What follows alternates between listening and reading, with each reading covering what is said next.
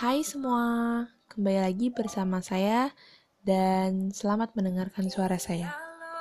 Semoga kalian baik-baik saja dan semoga hari kalian menyenangkan. Ini salah satu hal yang lagi dialami sama saya atau bahkan kita mungkin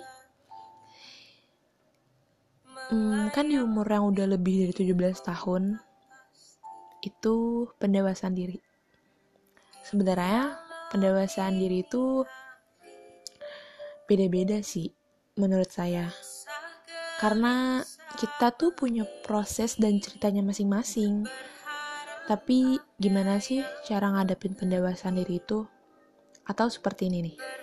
Kan umur gue segini masa gue udah harus dewasa sih? Kan gue masih kecil. Tapi sebenarnya menurut saya pendewasaan atau seseorang yang dewasa itu orang yang udah mampu memilih mana yang baik dan buruk untuk dirinya sendiri atau orang lain. Atau menurut salah satu artikel yang saya baca itu seperti ini. Masalah pembentukan kemandirian pribadi dan ekonomi. Masalah perkembangan karir, masa pemilihan pasangan, belajar hidup dengan seseorang secara akrab, dan memulai sesuatu yang baru pada dasarnya tuh ya, pendewasaan diri itu hanya diri kita yang tahu. Menjadi dewasa karena masalah itu bisa aja. Menjadi dewasa karena lingkungan itu sering terjadi. Tapi yang paling sering terjadi itu dewasa karena waktu. Yang pada dasarnya semua proses pendewasaan itu bisa dari berbagai hal. Mungkin kita memang belum siap untuk menjadi dewasa, merasa tidak pantas untuk menjadi dewasa, merasa bahwa diri kita sendiri itu belum mampu untuk menghadapi semua itu dengan sendiri. Dan masih banyak lagi yang kita pikirkan tentunya dengan hal-hal yang negatif.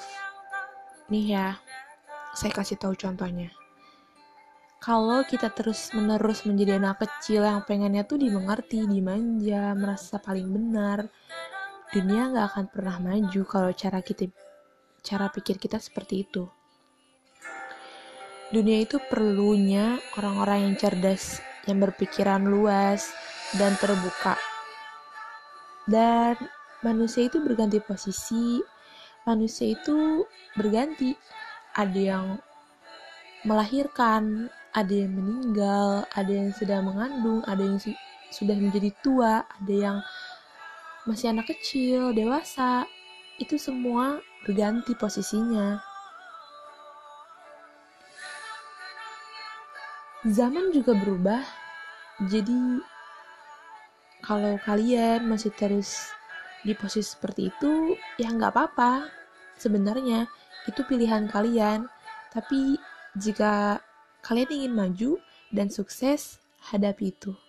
Karena pada dasarnya, orang yang dewasa itu selalu menghadapi tantangan apa pun yang akan terjadi meski berat. Tapi yakinilah bahwa kita bisa melewatinya.